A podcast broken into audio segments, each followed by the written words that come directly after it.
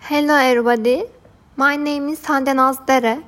I am a lecturer at Yeditepe University, Nutrition and Dietetic Department.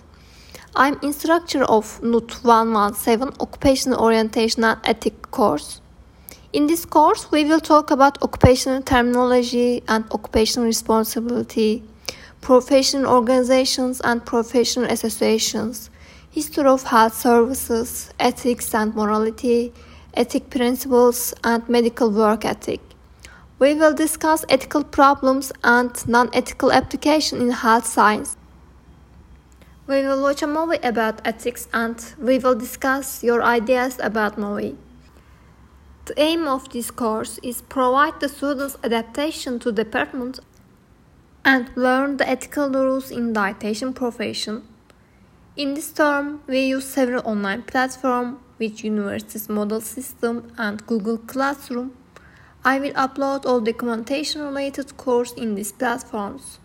I expect all my students follow these platforms to be contact with, with me all time. I hope this semester will be a good time for all of us. So I hope see you in my class. Bye.